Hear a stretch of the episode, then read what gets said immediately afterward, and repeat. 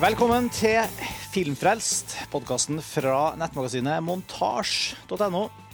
Jeg heter Martin Sivertsen. Jeg sitter her på Skype med Erik Vågnes. Hallo, Erik. Hallo. Og Tor Joakim Haga. Hallo, ja. Takk for sist, karer. Vi har ikke prata sammen siden eh, Tromsø. Mm, ja. Ja. Sist, ja. En veldig pasjonert eh, debatt vi hadde i Tromsø, husker jeg. Ja, om Django. Ja, og den andre også. ja. Ja, og flere andre òg. Det er jo eh, Lars Ole og Karsten som har regjert Filmfrelst den siste tida med andre festivalrapporter fra, fra Berlin og Eh, Men vi er nå tilbake på en mer eh, sånn klassisk filmfestepisode hvor vi rett og slett sitter på Skype og eh, prater om filmer vi har sett i siste. Og kanskje da særlig litt, eh, litt kinoaktuelle ting. Eh, Vi har jo nå Det er jo dagen etter Eller dagen etter dagen etter Oscar. um, og Oscar eh, Det forrige episode av Filmfest handla jo om uh, Karsten og Lars Oles uh, Oscar-tips og sånn, så vi trenger jo ikke å gå, uh, gå gjennom eh, liksom Oscar-utdelinga som sådan. Men jeg vet at en av filmene som eh, har stått på lista over filmer vi bør snakke litt om på Filmfrelst, som vi ikke har fått via så mye oppmerksomhet til, verken egentlig på montasje i eh, Det er vel faktisk ingen artikler om Zero Dark Thirty heller, eh, sånne omtaler. Nei, overraskende nok. Vi har liksom ikke huka ordentlig tak i den filmen. Eh, Og det er også en film som var aktuell i Oscarsammenheng, nominert til mange kategorier. Eh, Det her er altså Catherine Bigelows film om eh, skulle du si, for å si det brutalt, om, om drapet på Osama bin Laden. Som har fått veldig mye bøss oppmerksomhet, og som det er på høy tid at vi snakker litt om. Eh, Og som vant Oscar for beste lydklipp. Den var også nominert for beste film, beste skuespiller, beste manus og, og beste klipp. Var det den eneste prisen den fikk? Det Den fikk faktisk bare beste lydklipp, så vidt jeg husker. Ok. Eh, Den har Jessica Chastain i eh, hovedrollen som en så den Ja, hvilken, eh, hvilken stilling har egentlig den figuren? Hun Maja-figuren? Eh, agent? Nei, kanskje ikke agent. Det er et godt, godt spørsmål. Ja, nå Eh, ble jeg vel plutselig veldig usikker på at jeg ikke Ja, hun, hun, hun spiller jo en sånn eh, Jeg skulle til å si en eh, blanding mellom en sånn bindeledd mellom det, det byråkratiske og det operative militære i jakten på, på Osama bin Laden, og er liksom en av de som har hovedansvaret for å etterfølge den, eh, den uh, jakten på bin Laden. da. Den blir i hvert fall fremstilt som på en måte kjernebrikken i hele Det er selvfølgelig litt sånn dramaturgisk hensyn, men Ja, det, er så, det er sånn hun blir fremstilt, i hvert fall i ja, filmen. hun spiller hun er en CIA-agent i hvert fall, på en eller annen, et eller annet ja. vis. Hvilken råd. Uh, og, og historien har liksom hovedfokus rundt det. Nå har dessverre ikke du sett den filmen, Erik. Nei, det har jeg dessverre ikke. Nei, men både jeg og Tor Joakim har sett Zero Dark 30. Og kan jeg bare spørre først og fremst, Tor Joakim, hva, hva syns du om filmen sånn i, i store og hele trekk? Eh, ja, altså jeg var jo hadde store forventninger som veldig mange andre pga. at det er Catherine Bigelow, som jeg er ganske stor fan av. Jeg syns jo Hurt Locker var bra, og masse annet tidligere hun har gjort. Strange Days. Strange Days er jo jeg, kanskje min favoritt. fra Catherine Ikke sant? Bigelow. Den er helt fantastisk. Hun, også, hun, hun ble jo, hun fikk jo virkelig et sånt øh, Det vant jo også Oscar, The Hurt Locker, den forrige filmen hennes. Mm. Ja, den fikk nesten enda mer sånn kred. eh, Ja. Kanskje ikke så mye omtalt sånn i, eh, i pressen, men eh, fikk jo mye med flere priser, da. Men, eh, Ja, ikke sant? Og det var jo liksom hennes vi- Det, var jo, det, var jo, det var jo hennes største film, sånn oppmerksomhetsmessig. Selv om jeg Ja, hun har jo Strange Days, Point Break. Point Break er også fantastisk, noen fantastiske scener. Og sånt så hun, hun kan dette her drivende gode Litt sånn maskuline håndverket, nesten. Ja, hun er, Eh. hun er veldig Jeg skulle si det, hun er veldig mannlig regissør.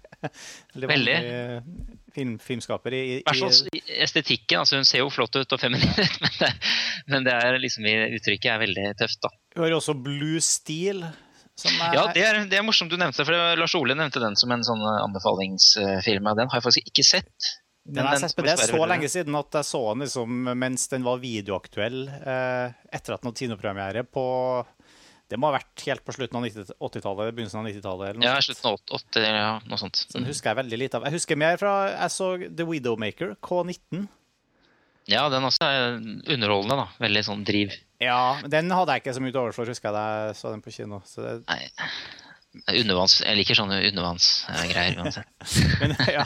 Lukkede rom, vet du. Åh, Ja, men jeg, jeg føler liksom at den blekla litt i mellom uh, Rød oktober og Crimson Tide, og Ja. den liksom nådde ikke opp til de, de der. Så- og så fantastiske vampyrfilmen Near Dark med musikk av Tangerine Dream, og kanskje det også nevnes når jeg først er inne på sånn, altså, oppsummere hennes filmer. Men eh.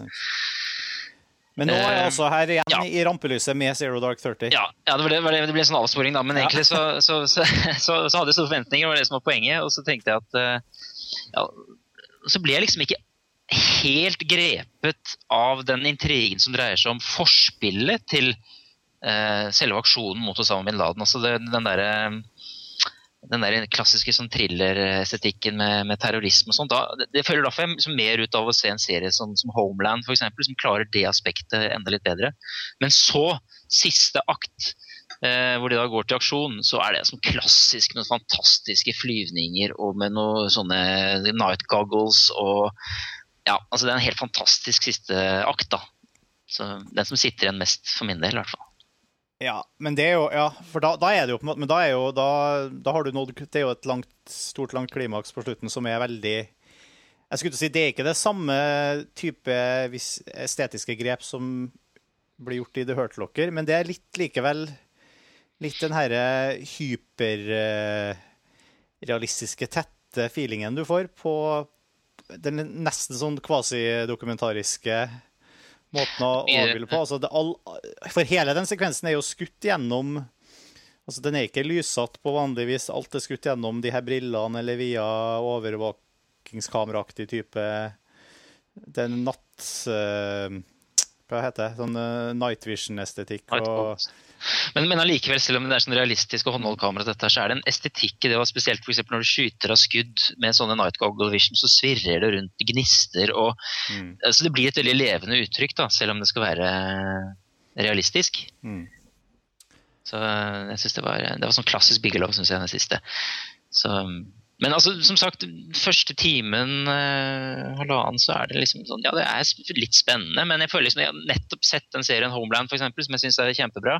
Som litt, handler om litt av det samme, så er det en helt annen nerve. Jeg vet at det er vanskelig å sammenligne. Ja, jeg, jeg, jeg har bare sett første sesong av Homeland. Har du sett andre sesongen nå? Jeg har også sett andre sesong, Ja. Jeg syns også Homeland var veldig bra, men, det, men, men Homeland er veldig Føler jeg eh, Den er så fullpakka av sånne spenningsseriegrep hele veien. At den, Cliffhangers. Den, den har cliffhangers hele veien. Den, akkurat når du syns det begynner å bli litt kjedelig, så vrir den seg over å finne på noe nytt som gjør at, eh, at du får ny interesse for historien. Og, og den, den hel, jeg føler at det er en helt annen dramatikk her. Men jeg, jeg er også veldig enig i at Zero Dark 30 har eh, liksom et slags eh, en veldig sånn drivende Den siste sekvensen er veldig, er veldig overbevisende og veldig sånn oppsugende. Men noe av det Altså, jeg satte også pris på filmen som, som helhet på grunn av all den her eh, oppspillet foran, altså, som er veldig på en måte veldig byråkratisk og, og tørt. Det er jo en del det har jo fått jeg har fått med meg at det har vært en del eh, sånn debatt, særlig i USA, da, rundt det her eh, sekvensene og, og måten man eh, de finner fram til informasjon rundt altså de, de eh, får jo faktisk positive resultater av tortur som virker som eh, verktøy for å spore, spore opp bin Laden. Eh, men eh, altså, det apparatet som er satt i spill da, for å lete opp bin Laden, hele konteksten rundt den operasjonen, måte, den som går, pågår over, over mange mange år, ikke sant? helt siden eh, 2001, Mm. det er en veldig For meg, da, eh, som, jeg, også, som ble veldig forsterka av den filmen her, en veldig trist eh, historie. Veldig sånn melankolsk Altså, jeg syns egentlig det her var en av de tristeste filmene jeg har sett på lenge. For den er sånn Jeg syns alt det spillet gir meg veldig tid til å reflektere over eh, mens jeg sitter og ser på filmen. Da, hva, hva det her egentlig handler om. Altså det, det, som alle gode eh, krigsfilmer så, så handler det også, også den filmen her litt om eh, kri, liksom, krigens hjerteskjærende meningsløshet og sånn. Og det her er jo ikke satt i en spesifikk krig, det her er nesten etterdønningene av en Altså, det er jo krigen mot terrorisme og det her, men Men, men, men, hele den jakten på, på bin Laden er så utrolig hul og symbolsk og politisk, og alle, alle de avgjørelsene som Det byråkratiske aspektet ved det belyser alle eh, Hvordan det her handler om å, å ta og, og drepe han terroristen som en symbolsk handling. Da. Um, og det, det føler jeg filmen Ja, avbilder på en veldig sånn effektiv eh, og jeg syns på en ganske gripende måte. Ja, og Du kan også lese mye av den, den, den, den gripenheten. Er det, substans- Mm. jeg vet ikke om det er substantiv, men i hvert fall så kan man liksom lese veldig mye ut av eh, Jessica Chastains ansikt. Hun spiller jo alltid bra. Eh, hele veien underveis. Ja, det er helt fantastisk. Den kontrasten mellom Hun er jo så sår og skjør i, i utseendet, på en måte, imot den herre knallharde, veldig, veldig maskuline kri, krigsverdenen. ja. eh, egentlig. Samtidig Og- som hun liksom må, må tøffe, tvinge seg selv til å tøffe seg opp uh, hele veien. ikke sant? Ja, og hun må hele tiden gå generalene og sjefsbyråkratene uh, i, i fleisen for å få for å følge sin sak. Men hun er- sitter jo også igjen på slutten med altså, Hun gråter jo delvis fordi det er sikkert veldig følelsesladet å komme til veis ende med det du har jobba med i så mange år og sånt, men jeg sitter også og, Ja, uten å spoil, Ja, vi spoiler jo endinga på Vi, Nei, vi vet alle hvor- hvor- hvordan det her går, men, men Ja. altså den, jeg sitter og føler den samme tomheten som jeg innbiller meg at den figuren også føler i slutten av filmen. Når jeg ser hva som Hva det her er liksom handler om, da.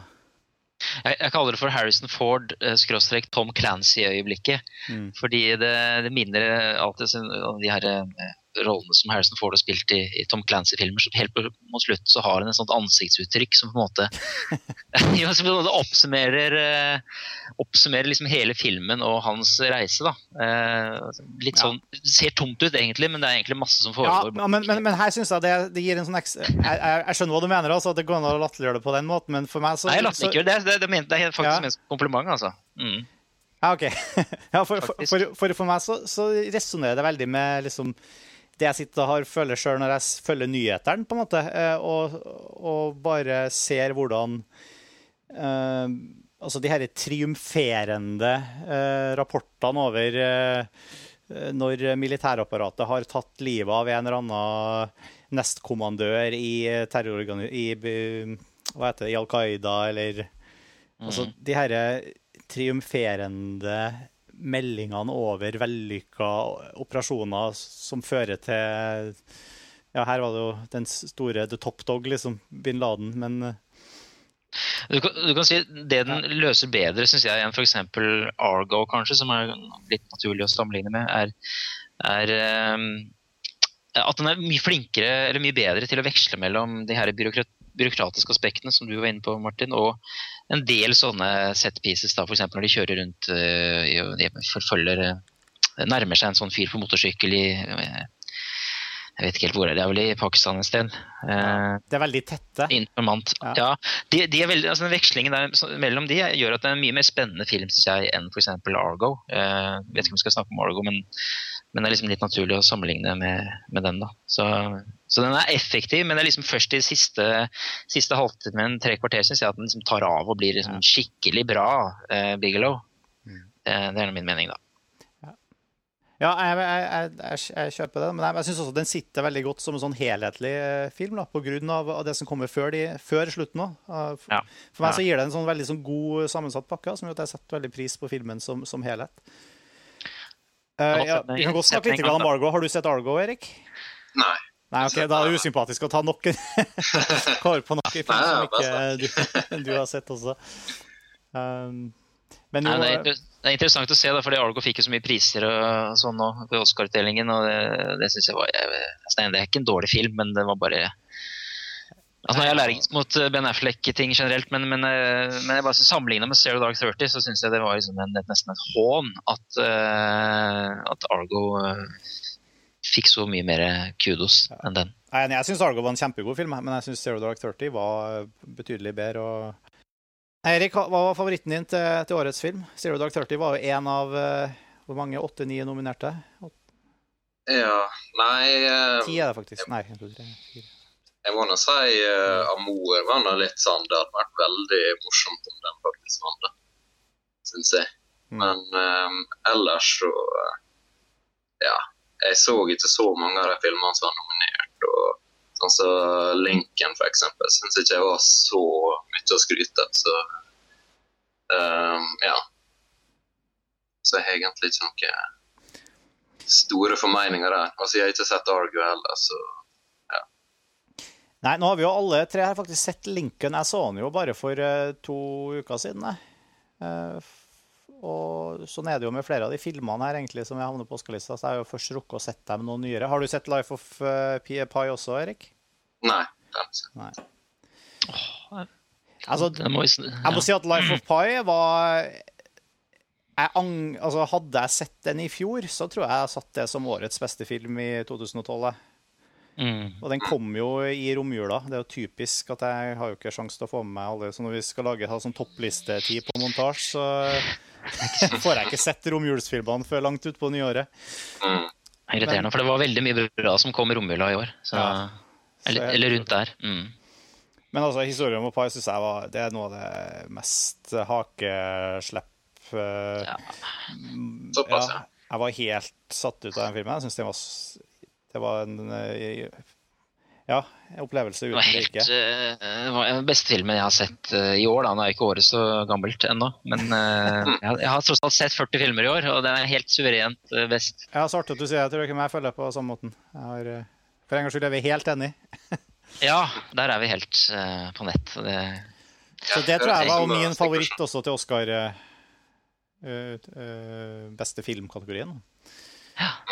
Det, er jo, det er jo en film som er skreddersydd helt etter, etter min smak. da, Det er kanskje mange som kjenner min smak nå etter å ha lest uh, ting jeg har skrevet. og sånn, altså Disse tablåene og det, det vis- audiovisuelle som er dyrket så til fingerspissene uh, hele veien. Uh, ikke bare altså, effekter og sånt, men altså innstillinger og farger og altså, plassering i bildet. og Det er jo liksom et kunstverk, og så er det en rammefortelling, jo da. Men, men, men det er ikke det som jeg, det er ikke derfor jeg syns den er så flott. da. Det er disse, det er sånn fra den e- Når de liksom ikke tror at det kan bli mer eh, ekstravagant, så blir det, går det bare enda videre.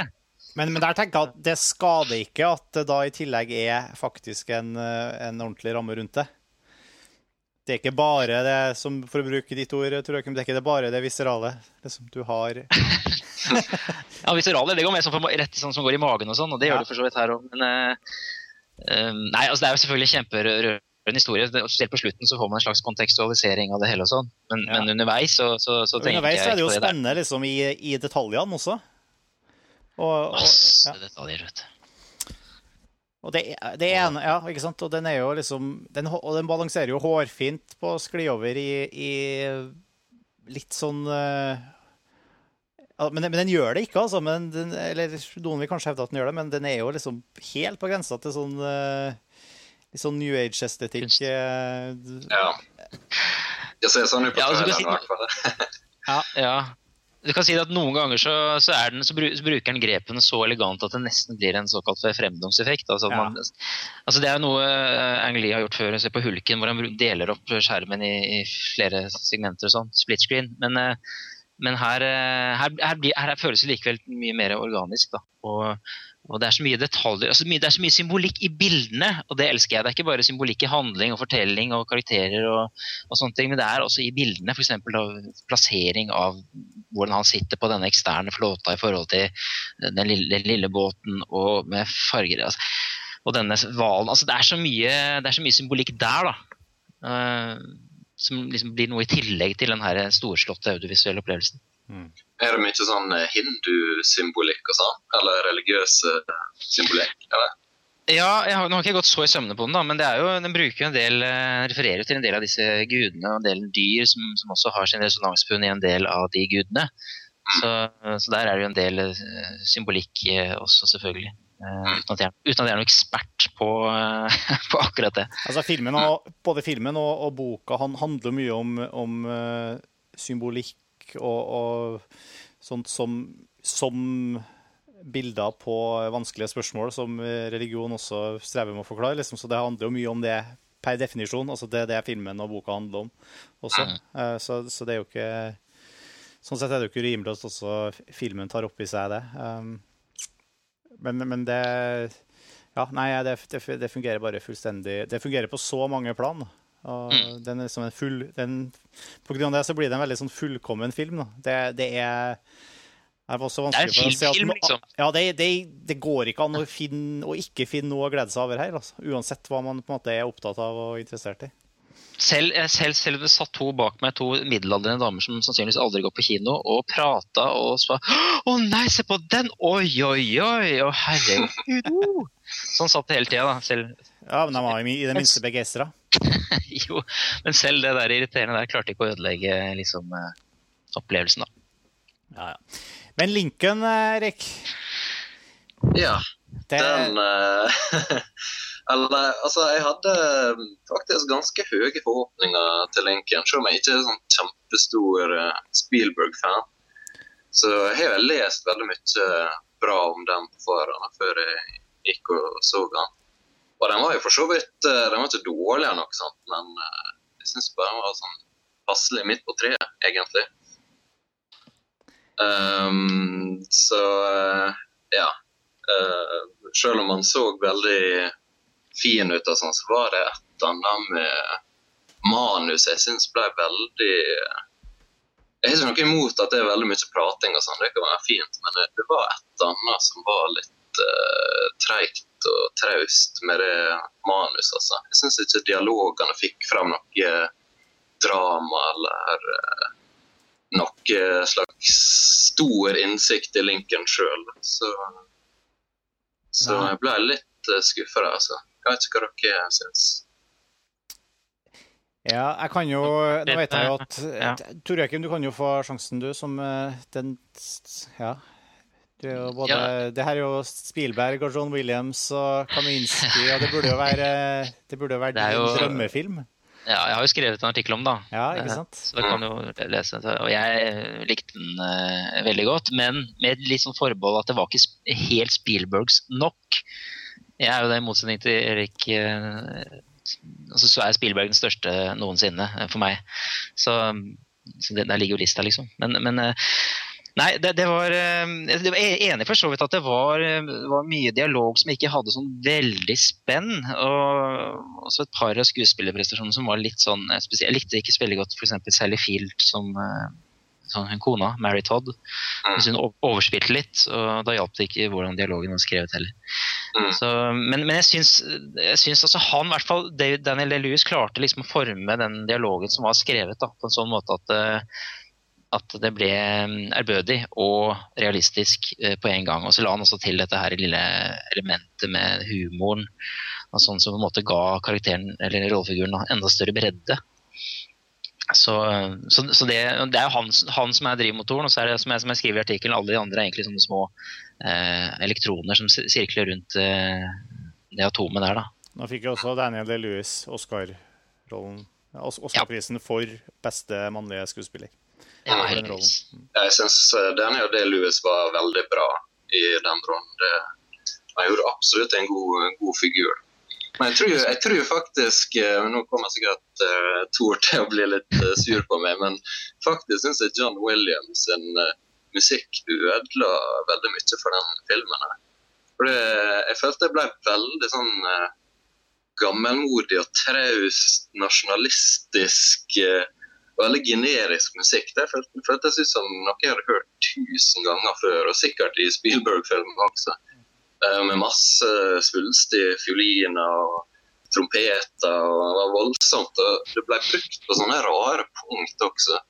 Eh, jeg husker et spesielt eksempel når Tommy Lee Jones har en sånn eh, skikkelig krangel da, i Representantenes hus, der de liksom skjeller ut hverandre på det groveste. Og mens han skjeller ut han en eller annen sånn sørstatsrepresentant, uh, så kommer den her uh, patriotisk, uh, svulstig musikken din. Altså, jeg syns det var veldig rart, egentlig.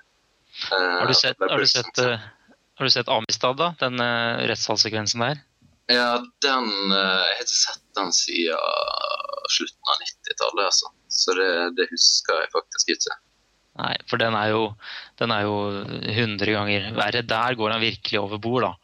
Ja. eh, med den her eh, americana-stilen. Men, men eh, ja, nei, altså, du, du skjønner jo at jeg er litt uenig med deg der. Mm. Ja, det var det, Det er jo, en, ting er den st- americana-stilen som han kan så godt, og det, du har helt rett i det, at den har han brukt mange ganger, både i Spielberg-filmer og andre filmer. Den Mm. kan han helt til fingerspissene, liksom den Aron, Copland-tradisjonen. Men, men jeg syns han var litt sånn faktisk litt restriktiv her. altså Både i, i mengden musikk. Det var mye mindre musikk her enn i f.eks. Lammestad og andre filmer. Ja. Og så er han så flink til å spotte, altså sette musikken på riktig sted. Men så er det selvfølgelig et par scener da, hvor det er mye store ord. Linken forteller, og så kommer det også da noen, noen messingblåser og sånn. Eh, Men, men jeg syns allikevel at det var, eh, var ganske reservert, faktisk. Så, Mm. Men, Men- men, men- men også, hele filmen er jo ganske reservert og tilbakeholden. Og det er jo, Ja, jeg tror det faktisk er det som plager meg, da, når Spielberg faktisk blir litt minimalistisk på en måte. da, Og tar det veldig ned og bruker veldig sånn sparsommelig lys og veldig mye innendørs. og Ikke så stort, eh, store kamerabevegelser som han har vært vant til før. da. Eh, Så syns jeg det ble ekstra ekstra dissonerende på en måte da, med John Williams' musikk. Jeg tror, jeg tror han kunne vært en enda uh, bedre film med litt mer eh, eh, Liv. Ikke nødvendigvis ek eksperimentell musikk, men mer eh, eh, original musikk. da. Prøvd å fått en ny tone ut av det. For det, det han driver på med der, det er liksom eh, Jeg føler er litt sånn atypisk Spielberg, egentlig. Så kommer denne musikken og gjør det litt sånn som vanlig.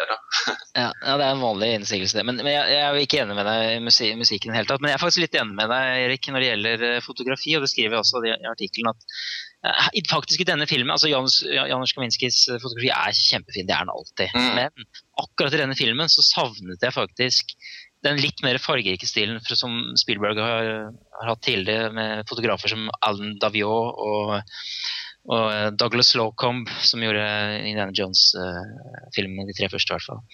Så, så eh, faktisk litt mer sånn spennvidde der på fargebruk. Nå er liksom alt litt sånn matt og blått og, og i et sånt litt sånn motlys.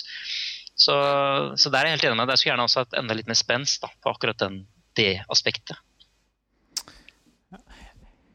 Jeg har jo jeg, deler jo litt det som du sier, Erik, som du sa innledningsvis, at, eh, at um, det Til tross for at jeg setter veldig pris på det, altså det selve iscenesettelsene og sånn, så jeg syns jeg er kjempefin, og det er jo uh, Og ikke minst det er jo liksom Danny DeLuis som Lincoln er jo helt fantastisk, men likevel så er det, for å bruke det ordet man helst ikke skal bruke. Jeg, jeg syns det var litt kjedelig, rett og slett. Også. Ja, det syns jeg også. Eh, Jeg syns Lincoln var en kjedelig film. Og eh, det er to og en halv time med eh, prating og kammerspill og tette veldig mye nærmere, veldig tett. En veldig tett film da, på, på figurene, og det er for så vidt greit nok. Men da bør alt sitte 100% hvis det skal eh, gi meg en skikkelig drivende god filmopplevelse. Og jeg syns ikke du gjorde det, og du hadde helt rett, tror jeg, med, med Sally Hva heter det, Sally Field? Sally Field, ja. Ja, Sally Field. Og jeg syns også den her eh, figuren til Joseph Gordon-Levitt som kom inn som Jeg, skjønte veldig godt hvorfor han var med i manus og sånn. Han skulle si, som sette det lille ekstra personlige på, på spill eh, for Lincoln. Liksom, hvor, I det her hvor skal han risikere å, å stå på og prøve å presse gjennom eh, slaveforbudslovgivninga her framfor å fremskynde slutten på krigen og liksom i gåsehudene redde sønnen sin fra men, men, men den føltes veldig rar, hele den uh, uh, Gordon Levitt-biten av, av handlinga, syns jeg. Uh, veldig ufullendt på mange måter. Og, og jeg syns mye av det her som skjedde i Det var jo, det var ikke en rettssal, men i det herre uh, Stortinget deres. jeg si. Ja. Gressen. Eh, Det, det, det, det syns jeg var, egentlig var, var veldig fint og, og flott. Og jeg syns filmen var interessant, for det fikk meg liksom til å eh, For en sånn historisk kontekst, selv om jeg vet at de har tatt seg friheter selv der med, med, med fakta om hvem som Hvor stor konfliktene egentlig var, hvem som stemte hva, hvor mye Mm. Eh, sånne ting, så, som gjør at det også setter en litt sånn stikker i hvor mye jeg kan liksom si at jeg fikk ut av det rent sånn uh, Ja, hva skal jeg si pedagogisk, da. Men uh, så, så, så, jeg, Men jeg satt igjen med, til, med sånt eh, det, det, føltes ikke som en, som en stor og, og ordentlig fullverdig film for meg etter at jeg, hadde, etter at jeg gikk ut av kinosalen. Jeg, jeg, satt liksom ikke med den wow-følelsen som jeg føler at eh, en, en god Steven Spielberg-film kan, kan, gi. da.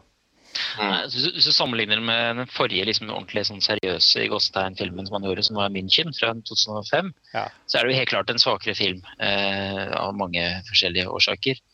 Så det er mulig han ble litt for ærbødig, kanskje, i sin, eh, sin innfallsvinkel til uh, Lincoln. Mm. Men uh, jeg syns det var så mye andre gode elementer underveis at det, det gjorde ikke noe. Jeg, jeg, er alltid på den kontinuerlige jakten etter spillbergianske trekk. Og når jeg finner de i filmene hans, selv om det ikke er de der storslåtte, episke filmene, så får jeg litt gåsehud uansett. Altså, det er sterke, nei, sterke morsfigurer og liksom øh, vanskelige farsfigurer og øh, motlys og øh, ja, en del sånne elementer da, som, som er så morsomme å finne. Mm. Du sitter og leker referansespillet mens du ser filmene. Ja, ikke sant. ja. Og selv når linken er såpass annerledes enn en del andre filmer han har gjort, så er, det, så er de der. Og da er det liksom, det er bare tegnet. Da er det, det er det en autør som er i sving, da, ikke sant. Det er så gøy. Ja. Så det, så er det også, men det er veldig sånn inspirerende. Sånn, sånn uh, amerikansk. Den er veldig amerikansk hvor det er liksom den herre ja, Lincoln-figuren som uh, han, han, står på for det han tror på, liksom, mot alles uh, anbefalinger. Han, uh, det er noe liksom veldig flott ved det òg, da. Um, men jeg syns det var bra at han fikk inn at han tvilte såpass mye på seg sjøl også. da. Ja. Uh, det var jo litt bra da, at om han hadde myndigheter, og det var liksom litt sånn problematisert om han kunne liksom Om han gikk over rollen sin som president, da, og det var litt sånn Det lå og ulma litt. da. Mm. Uh, men jeg syns jeg heller skulle ha fokusert mer på det. Uh, for der syns jeg det var potensial. Da. Men sånn som f.eks. når Spielberg uh, heller har lyst til å bygge opp spenningsklimaks mot denne ratifiseringa av denne 13. grunnlovstillegget, mm. så syns jeg det blir sånn tøysete, egentlig, når han bygger opp en sånn spenningsklimaks der de skal liksom røyse seg og si yay og nøy, og så Særlig, særlig når du vet at det var faktisk uh, triksa med. Mm, ja, det er også. Og så vet du liksom hvordan det går. og Det, det er liksom ikke spennende.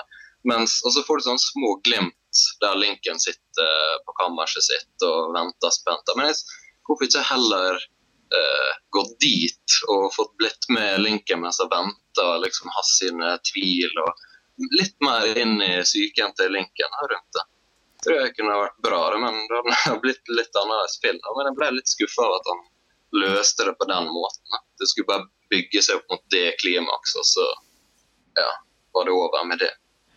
Så ja. mm. men, men jeg tror jeg følte meg litt snytt der. Ah, ja, OK. Ja, jeg kan på litt der, men samtidig syns jeg det var noe av det som funka best. Synes jeg. Altså det hvor, hvor nært innpå linken du føler at du kom. Eller, eller selv om jeg tror jo egentlig ikke på figuren sånn som han er fremstilt i filmen, men det er en veldig flott figur likevel. Mm. Uh, har... det, er jo, det, det, er jo, linken via Daniel Lewis. Altså, det er jo ikke, ja.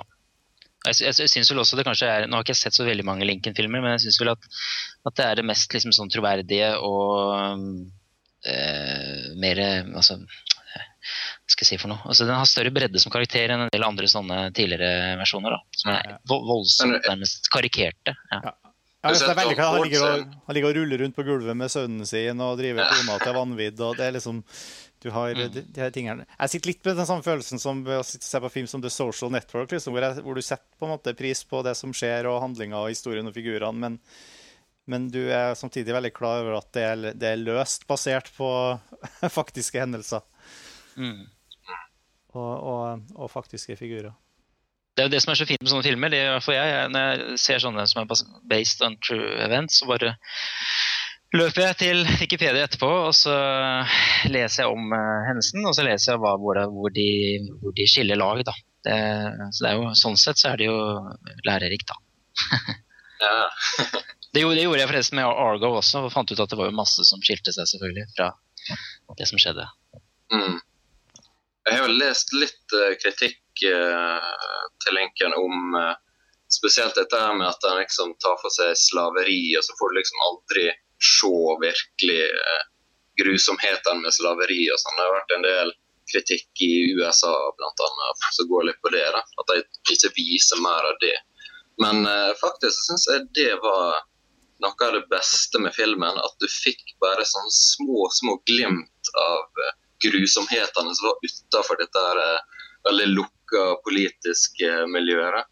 Eh, sånn så Det begynner, begynner jo med den borgerkrigsscenen der liksom eh, slåss ned i ei elv eller noe sånt og stikker hverandre. Men det var liksom bare fem-ti sekunder og ender med at én får liksom trakka på hodet sitt ned i søla, liksom, og så er det over. Veldig sånn kort uh, glemt. Og så får du liksom se bare Slavene er liksom når uh, sønnen til Lincoln driver og leker seg med, og så har han disse her bilder av slaver med en sum under. Uh, liksom bilder av én slave som fisker og sånn. Men det, det, ligger bare sånne små glimt av grusomheter. Ja, det syns jeg var veldig fint løst. Var, mm. Jeg trengte ikke noe mer enn det. Det, det, gjorde han jo bedre her enn i, enn i Amistad. hvor ja. Der var det jo også beskrivelser av grusomhet. Der var det mer bokstavelige beskrivelser av disse lidelsene. Da. Men de, og de scenene var så sterke. men der var alle de andre scenene som handlet om rettssaken, om alt det der, de var ganske svake. Sånn at, eh, sånn, at, sånn som helhet så, så, var det helt enig med deg, Erik, at det var mye smartere innfallsvinkel. La det bare være et sånt der bakteppe i det fjerne, liksom. Ja, det er jo en historisk companion piece til Django and Shane, det her. ja. så, så, du kan jo Mm, det, det, kommer i en sånn double DVD-disk. Grindhouse. Grindhouse. ja. Nei, veldig, veldig, veldig bra. Noen andre Oscar-aktuelle filmer som eh, vi har sett som ikke har fått noe mye, mye love her på Filmfrelst, da? Som vi føler burde trekkes fram? Nei, Beast of the Southern Wild har vi snakket litt om. Jeg har skrevet om den også. Jeg kan nevne Wreck-It Ralph, da. Oh, ja. okay. Som er den eneste, den eneste, av de eh, nominerte til beste animerte film-kategorien som jeg har sett.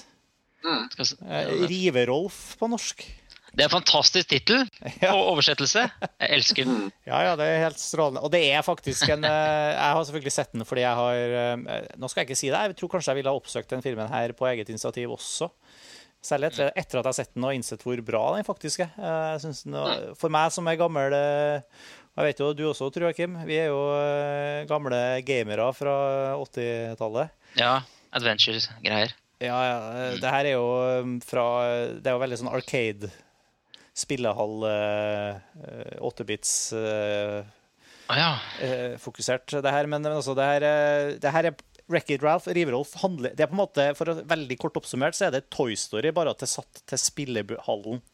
Så her mm. våkner eh, lysene eh, slukkes og spillehallen stenges, og våkner spillfigurene i spilleautomatene til live. Ikke sant? Det, og det er på en måte utgangspunktet for Wreck-It Det er Disney-produsert. John Lasseter er involvert. Ja. Og, og um, den ser veldig glo, glo, Det er den eneste filmen i den kategorien uh, som jeg ikke har sett. Jeg har sett alle de fire andre. Oh, ja. men, men, men det jeg, har sett sånne korte glimt, og så virker det litt sånn glorete og rosa. Vet ikke, Er det, ja, det, er det litt glorete, eller? Det er fordi at ett av spillene i uh, spillehallen er glorete og rosa. Det er okay. ikke det det spillet. Okay. Uh, så det, det, er mulig at det er det du har sett mye av. Da. Det er den uh, racerspillet som foregår i sukkertøyverdenen. Ja, Selvfølgelig den. masse Det er bare kjærlighet og rosa sukkertøy og Så River-Alf er jo mer sånn Donkey Kong-aktig uh, setting der hvor han bor, da, i hans automat. Å ah, ja. Det høres morsomt ut, da. Mm.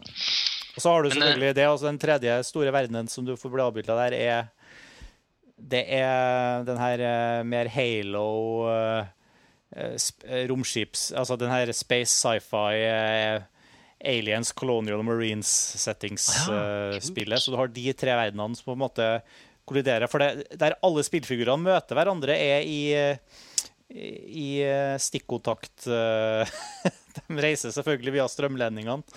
Ja. Så skal de hjem du, og, og, slappe av. Og sånn, da på en måte ja, skal si metro-togstasjonen er på en måte den herre stikkontakt Hva heter det der hvor det all, her, Socket, altså den, den her samleboksen hvor du stikker alle stikkontaktene inni. Um, ja, uansett. Ja. så her møtes alle spillfigurene, og så forviller de seg inn i automatene til hverandre. Og, oh, ja. ja. Så det er mye, mye, morsomt som skjer der. da. Jeg synes Det var kjempeartig. Det høres ut som en liksom nostalgitripp da, sånn for oss. Det er veldig nostalgitripp. Mm. Mm. Det er kult. Men det er jo, det er jo først inn på den, så er det i hvert fall én film i den samme kategorien som også er kinoaktuell, som man kan si to ord om, og det er jo, det er jo Frankenweenie da, til Tim Burton. Ja. Jeg vet ikke, Har dere sett Nei, dere hadde ikke Nei, det har jeg ikke sett. Nei, men ja. den, den, den, det, jo, det, er jo en retur til, eh, til, gammel form, selvfølgelig, fordi det er basert på en gammel figur som man har hatt i 100 år. Men, eh, og en sånn svart-hvitt eh, estetikk med alle, kring, alle, snirklete sirkler og spisse snuter og altså, alt dette her som vi kjenner igjen fra universet hans. Um, Frankenstein, uh, gotisk, uh, alt dette her. Så, ja, litt, litt tilbake i form? Ja, jeg syns jo det var et kjempebra år i fjor for Tim Burton. Både med den og så likte jeg også veldig godt Dark Shadows. Eh, folk var litt delt på den, men jeg likte både den og Jeg likte nok Dark Shadows hakket bedre enn Frankenweenie, faktisk. Men, eh, men begge to synes jeg er gode eksempler på at han er liksom eh, Jeg syns egentlig aldri han har gått helt ut av form. Jeg syns til og med det finnes gode elementer i Alice in Wonderland. Men, men, men, nå er det liksom tilbake til røttene, da, og det likte jeg veldig godt. Mm. Siste jeg så, var Sweeney Todd, faktisk. Um, som er litt ja, det syns jeg faktisk var overraskende bra. Det hadde jeg veldig sansen for. Ja, den var ikke så typisk. Den var litt sånn ut, for utypisk, nesten, for min uh, smak. da. Kanskje er jeg er jo ikke noe blodfan. Du får ikke spotte alle autører? Nei, jo, det var litt av det der òg. Det er det jo alltid. Så lenge Johnny Depp er med, så er det det. Men uh, nei, den var, den var, litt for, den var litt for mørk, om det går an å si det om Tim Burton. Jeg vet ikke. Men, men for, for, Brave, eh, Tor Økum, du har sett alle, så det var jo Brave som stakk av med, med, prisen her. Og det her er jo For, for mm. en gangs skyld så har jeg ikke eh, liksom har grepet meg sjøl å ikke være veldig ivrig etter å se den nyeste Pixar-filmen. Fordi det har vært veldig lite ved det jeg har sett fra brev, som har fått meg til å tenke hei, det her må jeg se nå. Eh, trailere, omtaler Det har liksom ikke, det har ikke føltes som en viktig film å se, da, av en eller annen grunn.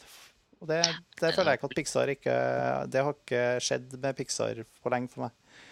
Jeg er helt overraska over at den fikk eh, beste video. Nå skal det sies at Jeg så den filmen på flyet mellom eh, Los Angeles og New York med en sånn liten skjerm og dårlige greier.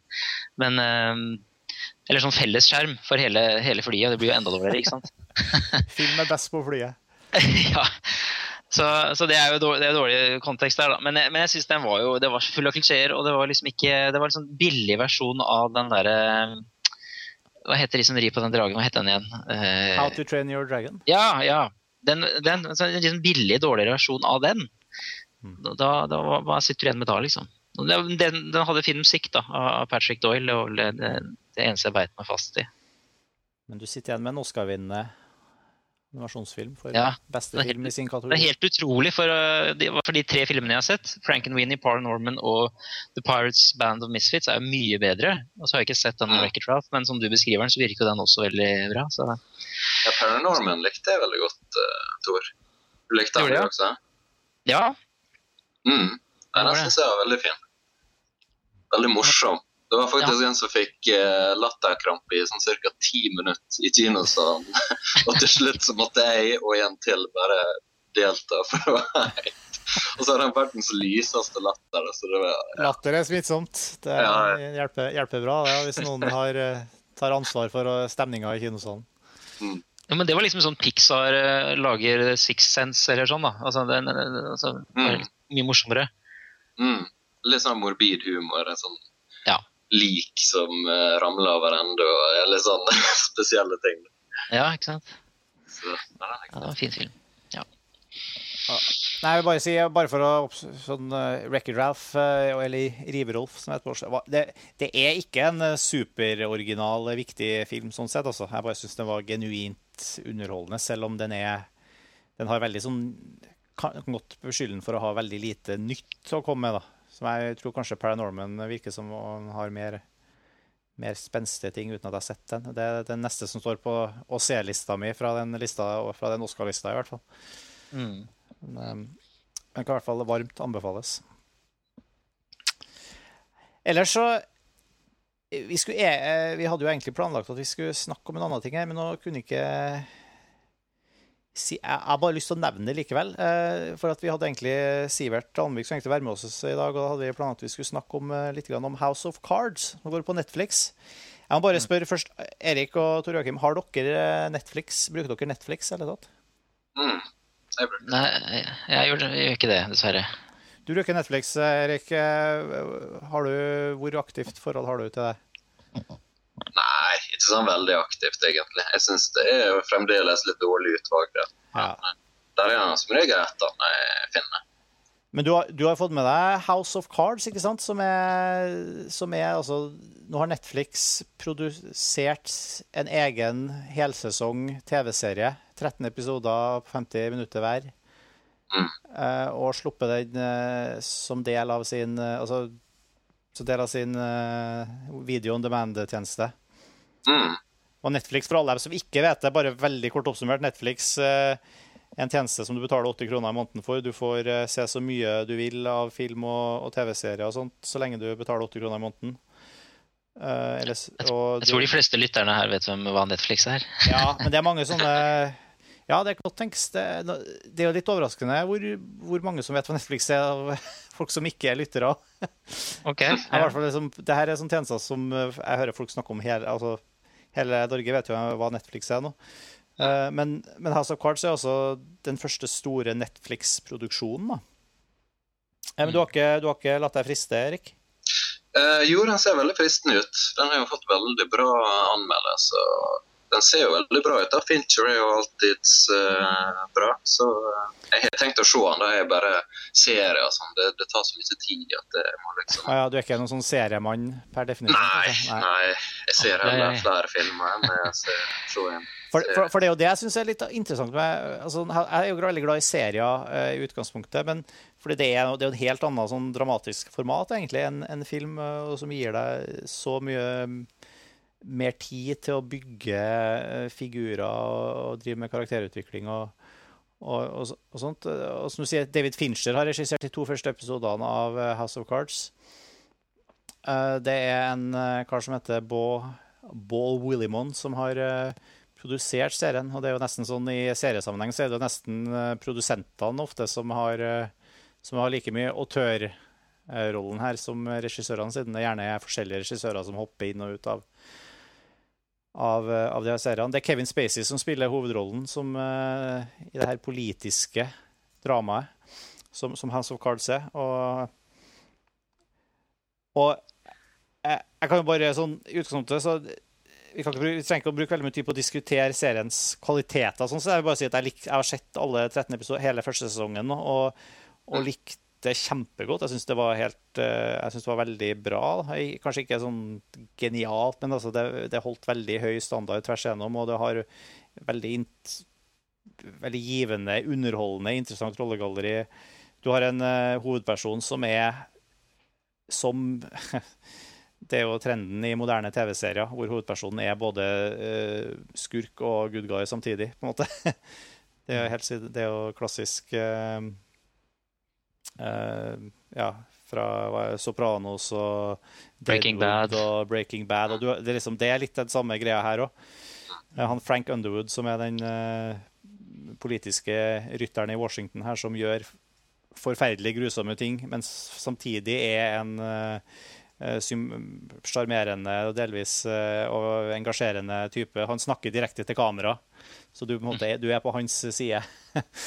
og selv om du har du samtidig ikke kan fordra den. Så, så, så, så, serien fungerer kjempegodt. Men her også Netflix har produsert denne serien her og sluppet hele serien eh, samtidig. altså I motsetning til alle andre altså Det er jo første gang det skjer, egentlig, at, at en serie ikke blir sluppet én og én episode ut, spredd utover et halvår. De har rett og slett sagt hei, vær så god, her er hele serien. 13 episoder. Her kan du se alt sammen på, en, eh, på ett døgn hvis du vil. Uh, og det, det, måte, det har fått ganske mye oppmerksomhet, har jeg fått med meg i som, som, langs, slags, altså som konsept, da, som lanseringsstrategi for en uh, sånn produksjon. Um, og det er jo kanskje vanskelig for deg å kommentere, Erik, hvis du ikke har sett så mye, hvis du ikke har noen vane for å se TV-serier. Jo da, jeg ser, jeg ser litt TV-serier, men uh, det er bare det å komme i gang med nye TV-serier. Nå ser jeg Boardwalk Empire. da. Ja, ok. Jeg liker egentlig ganske godt, da, men da krever det Jeg må liksom bli ferdig med den før jeg kan gå videre, føler jeg. Så. Ja, for det er jo uh, at, og, Men jeg vil gjerne applaudere Netflix for, for å ta på en måte må, måten vi nå altså Det veldig det føles veldig riktig da, tenker jeg, i forhold til måten jeg i hvert fall ser at jeg konsumerer TV-serier på, og har gjort det de siste årene. Uh, jeg, jeg følger jo ikke lenger TV-serier ettersom de kommer fortløpende på TV. Jeg ser jo nesten alltid TV-serier etter at de er sluppet på DVD eller er tilgjengelig for meg, så jeg kan se dem i det tempoet jeg vil. Jeg vil, jeg setter veldig pris på at jeg kunne se tre episoder på rappen en kveld og ikke se en episode på nødt til å vente en uke. Og den her spenningskurven som bygges opp av der, den har jeg ikke savna. da. Men man kan kanskje sample via Netflix en serie, og så kan man, hvis man syns den er kjempebra, kjøpe den på, på DVD da, etterpå. Hvis, hvis det, Hva skal du med den på DVD, hvis du kan se den på Nei, det er jo litt extra features og litt uh, Jeg vet ikke om det er noe ja. bedre, bedre bildekvalitet. Ja, det kan, nei, det vil jo være bedre på Netflix enn på DVD. Særlig fordi okay. det streames jo i HD. I hvert fall mye, mye å gjøre det. Mm. Um, men, men, eh, Ja, det har du rett i. Du får ikke ekstra features og sånt. Men eh, jeg tror det er litt det samme som eh, altså det her er, Vi er jo på en måte der nå, og kommer jo der i stadig større grad. Hvor, som det, skal du kjøpe CD-en, eller holder du å høre på musikken via Spotify? Mm. Du, er, du, er, litt der. Men, men jeg tenker det her for, har det, Nå har du det dramatiske formatet som er 50 minutter lange episoder hvor du forteller én lengre historie over en hel sesong på, på 13 episoder. Noen TV-serier har liksom 20 episoder, eller sånt, men her er det i hvert fall i House of Cards tilfelle så er det 13 episoder på 50 minutter over, over én sesong. da. Alt, alt, sammen er tilgjengelig for deg i ett jafs, hvis du vil, eller i 13 jafs over, ja. over, så lang tid som du vil. Men du, eh, Netflix har jo heller ikke hatt det her presset med å bygge opp enkeltepisodene rundt uh, f.eks. Uh, ikke rundt reklamepauser, og ikke rundt uh, noen sånne uh, si begrensninger som går på, på, på distribusjon. Så, du, så, så, her er det det som altså, Det er nesten verdt å stille spørsmålet liksom, hvorfor er dette en TV-serie i det hele tatt. Det kunne vært en lang, superlang film, liksom? Ja, og det kan du si Det har kanskje litt å gjøre med at man driver fortsatt og føler seg fram her, og kanskje har det her en fremtid på TV også. Kanskje skal det vises i, annen, i andre sammenheng enn bare via Netflix etter hvert.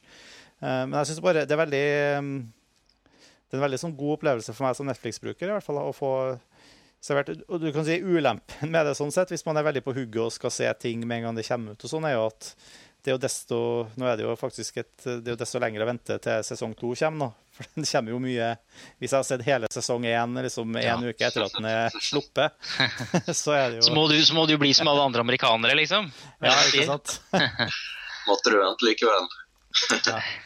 Men, men her er, det er jo forhåpentligvis noe vi vil se liksom mer og mer av. At man finner nye, nye måter å, Altså det, det nye formater, på en måte. Og nye måter å distribuere Mm. Det, det jeg er veldig, veldig, veldig, stor fan av at de nå begynner med sånne mye mer sånn story arcs. Mm. Ikke bare sånne enkeltstående episoder. At det har vært en trend de siste, ja, det er jo egentlig de siste ti årene i hvert fall. Ja. Um, og Det er det som har gjort at TV-serier har blitt interessant igjen. At det, det, og at det ikke lenger er dynastiet og som Jo, dynastiet har for så vidt en story arc, men uh, kongen av queens, da. Og ja. at det ikke bare er sitcoms. på en måte. Mm. Så det, det jeg, i forhold til, Men i forhold til utvalg, Erik, på, på Netflix Jeg har jo tatt skrittet, og det er jo bare sånn tips. Det er jo veldig lett å få Hvis du kjøper deg en sånn VPN-tjeneste som gjør at du kan operere med amerikansk IP mm. det, kost, det, trenger ikke å koste mer enn 30-40 kroner i måneden. Mm. Så kan du Netflix fungerer på den måten at så lenge du har har en amerikansk IP, så får du tilgang til amerikanske Netflix med din eksisterende konto. Ja. Så jeg, ve- jeg veksler skulle si fritt der mellom norsk og amerikansk Netflix-utvalg. ja, for der er det vel uh, Det er mye bedre utvalg. ganger mer Ja, det er fortsatt begrensa, skulle du si. Det, du har jo ikke alle filmer, sånn, men du Mm. har, du har mye, det er mye ferskere ting, da. Særlig ferskere Hollywood-produksjoner og sånn i amerikanske Netflix. Mm. Eh, og, så det er jo en måte å få utvida utvalget dramatisk, da. I, i Så for- Og så har du vel tilgang på Hulu og sånn òg, hvis du har en amerikansk eh, Det har du også, ja. Ja. Det har jeg ikke utforska så mye, men det er jo tilsvarende, tilsvarende Det fungerer på tilsvarende måte. Mm. At du da kan Ja. du plutselig få åpna en del sånne amerikanske andre streamingtjenester. Riktig. Jeg føler meg veldig gammel og utdatert når dere snakker om dette her. altså. Jeg liksom sverger til CD-er nesten litt ennå. DVD. Ikke, ja. Det er eh, en ny verden. Ja, men jeg har slutta ja, Det er jo liksom Det her er Jeg har jo vært en av de som har hoppa helt over Blu-ray som, som medium. Jeg har ikke Blu-ray-spiller, jeg har ikke kjøpt en eneste Blu-ray-skive. Og det er nettopp fordi jeg sitter og er, er liksom, jeg, det har, da, Helt siden Blu-ray og, og HD-DVD ble annonsert, egentlig, så jeg følte at det her er, liksom, det her er helt Det her er trinn vi ikke trenger å gå gjennom. Vi, Mm. Jeg vil hoppe rett til der hvor eh, Netflix og lignende tjenester er. på en måte. Det er ikke et nytt diskmedie som er fremtida, på en måte. Nei. Og der kan Men Blu-ray er vel likevel litt bedre kvalitet enn Netflix. Ja, det Blu-ray er bedre. Og du har jo, som tror jeg ikke var inne på tidligere, du har jo også ekstramateriale som er fraværende fra de her streamingtjenestene foreløpig. Og så kan du vel ikke se 3D på streaming? Det kan 3D. du nok der jeg, Nei, jeg har fortsatt til gode å se 3D hjem. Eh, Men eh, Jeg liker strødd.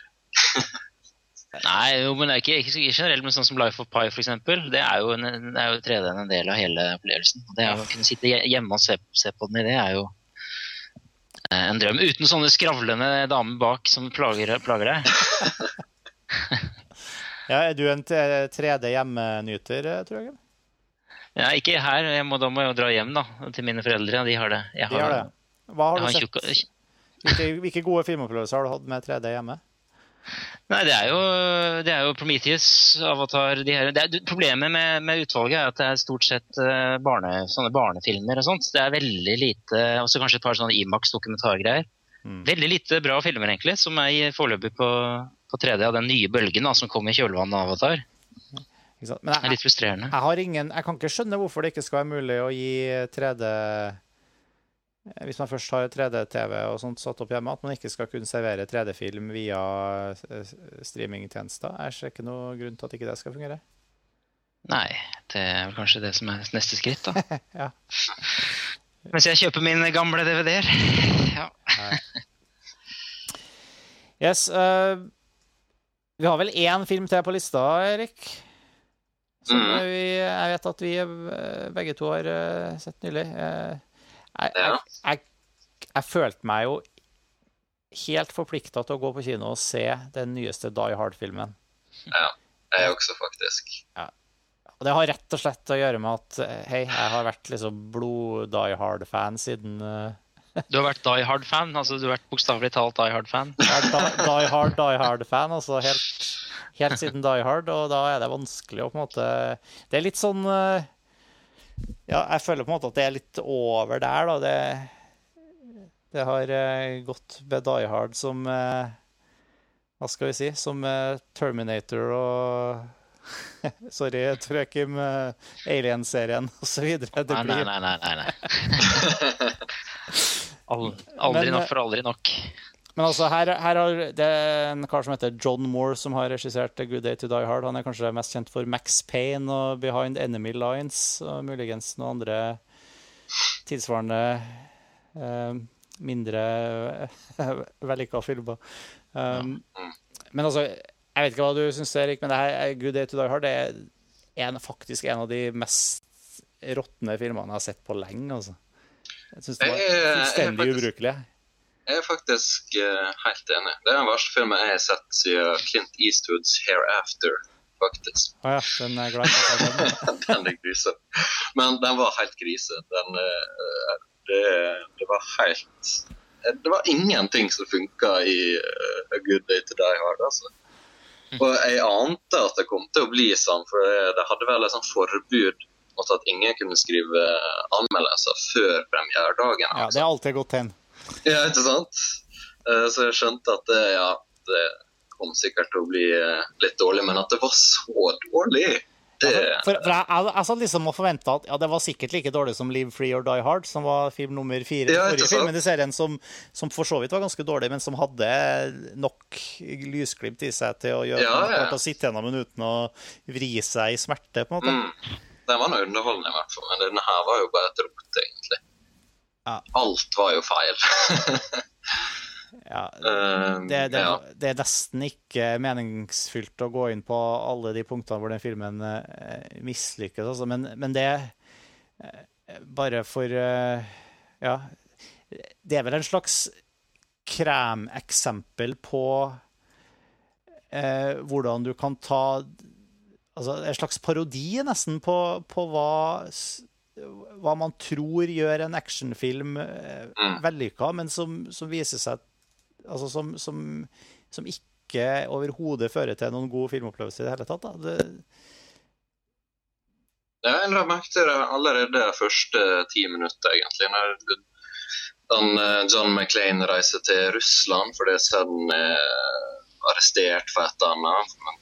det, det føles nesten som starten på en sånn politiskolen-film. Sånn politiskolen Ja, ikke sant? Og så i Russland, liksom. Hva er John McClain i Russland? Men, uh, og så reiser han dit, liksom. Og så uh, reiser han liksom til rettssaken til sønnen, da. Og så er det et eller annet skal skje. Jeg veit ikke hva som skal skje. Men uh, filmen pøser på med masse sånn spenningsmusikk og sånn, som ikke fungerer. For du, du veit jo ikke hva som skal skje.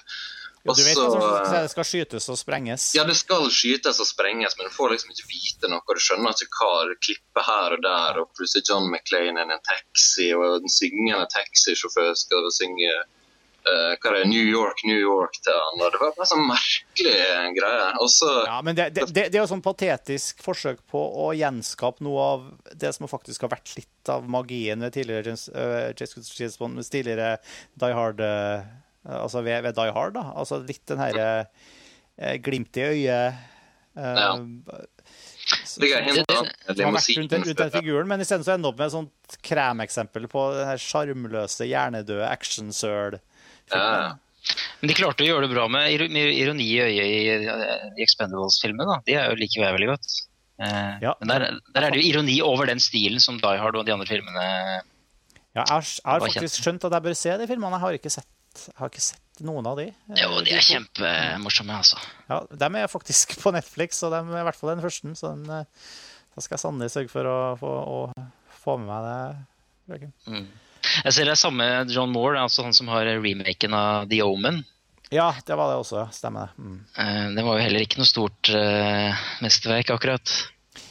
Nei, og da, men der er vi litt tilbake til at vi liksom, det skal mye til å lage ordentlig gode eh, i gåsehudene actionfilmer. altså. Eh, og du ser, Die Hard, ha, og den originale Die Hard, den har også en altså det er Selvfølgelig det er skyting og eksplosjoner, men det er ikke det som gjør den filmen. altså. Den har en Nei, veldig nei, eh, seig, lang oppbygning. Den tar seg god tid med å bygge, eh, gjøre deg kjent med hovedfigurene og, og rollene. og, og og du liksom Du, du har Du blir så eh, eh, god kompis med Bruce Willis før det begynner å smelle. Mm. At, at, eh, og han er på en måte eh, Han går ut på glass på gulvet, og du føler litt med han at han har det vondt. ikke sant? Ja, Ja, og han hadde ikke lyst til å bli dratt inn i den der uh, greia der, liksom. Han var der bare for å uh, skvære opp med kona, eller hva det var. Ja. For de skulle nesten skille seg, ikke sant. Og så blir han plutselig innblanda sånn helt uh, merkelig terrorangrep og og, og det, liksom, det, det er ikke kommentarene og de små vittighetene og de små blikkene og de, de eh, små karakterøyeblikkene som fyller tomrommene mellom actionscenene i Die Hard. Det er omvendt. Det er actionscenene som fyller tomrommet mellom, mellom eh, de karakterscenene. Og det har jo blitt omvendt nå, da, med Ja, her er det helt omvendt, og det, det, det funker overhodet ikke. Ja. Det er, fordi, ja, det er jo en helt annen tid nå, da, altså i forhold til este- actionestetikk. Altså hvis man skal prøve å lage en 90-tallsfilm eller 80-tallsfilm nå, som om det var altså bare transkribere og bare oppdatere effektene og oppdatere actiongreiene, så er jo ikke det nok i seg selv. Det er sånn dere beskriver det.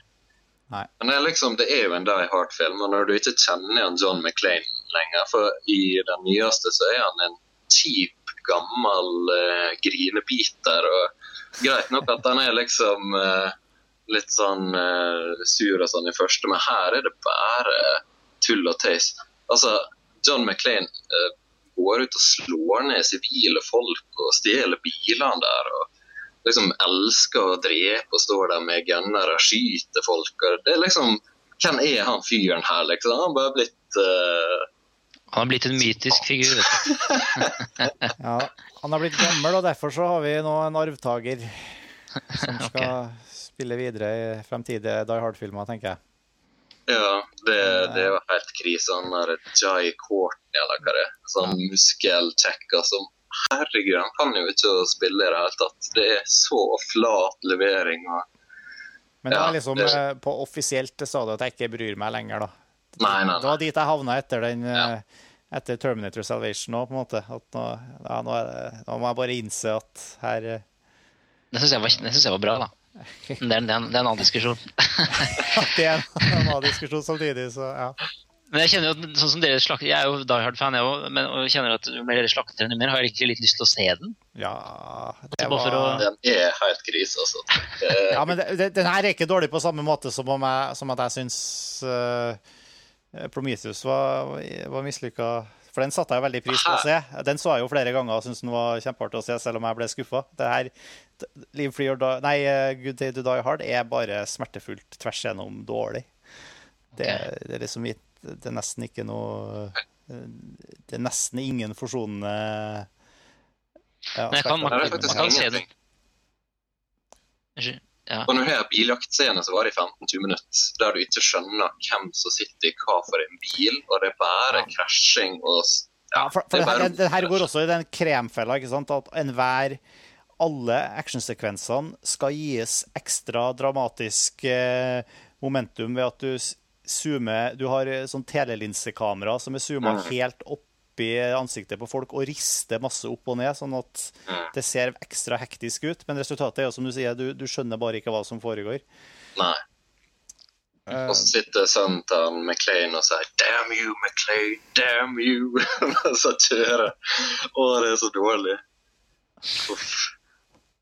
Ja. Og Bruce Willis en punchline som er 'I'm on vacation', som han sier tre-fire ganger i løpet av filmen. Men han er jo ikke på ferie. Han var jo der for å liksom hente sønnen sin og liksom hjelpe han ut av fengsel. Det det er helt sånn merkelig. Ja, I Die Hard så var han på juleferie. På fest. Det, han er ikke det her. Nei, han er ikke på ferie i hele tatt. Nei, han ikke det. Altså, det høres ut som en morsom film å se på en lørdagskveld, da, når ikke du har noe annet å å se. Så det er jo Eh, underholdning på en Ja, annen er måte. faktisk Nei, den er ikke, under, den er ikke så dårlig at den er underholdende engang. Det er liksom ingenting. Nei, jeg er enig i det. Altså, den er, Den er helt flat. Helt, helt flat. du kan liksom ikke sitte og flire av hvor dårlig den er heller. Du, du, du kan egentlig bare sovne. Ok. Jeg liker jo litt sånne filmer, ja, da. Men jeg, jeg, jeg, skal, Ja, ja. jeg, må, skal, jeg må se den. Se jeg ut, Joakim, så får vi. Et hardt innlegg senere. få et hardt innlegg vi, jo- Mesterverk! Det er jo Bruce Willis på top of his game. ja, du har, vi har fortsatt ikke skrevet Die Hard uh, Good Day to Die Hard-omtalen på montasje, så Nei, det er sant, det. der er det et uh, Der har du sjansen. Ja. Ja, ja. Jeg, jeg, tror vi skal begynne å runde av. Vi, vet jo at det har, vi har jo også uh, The Master har nettopp hatt kinopremiere. Nyeste filmen til Paul Thomas Anderson. Den har jeg sett. Den har vi sett. Uh, vi har bestemt oss for å spare uh, den filmen til neste episode av Filmfrelst, hvor vi skal gå litt mer i dybden på Paul Thomas Anderson og, og The Master.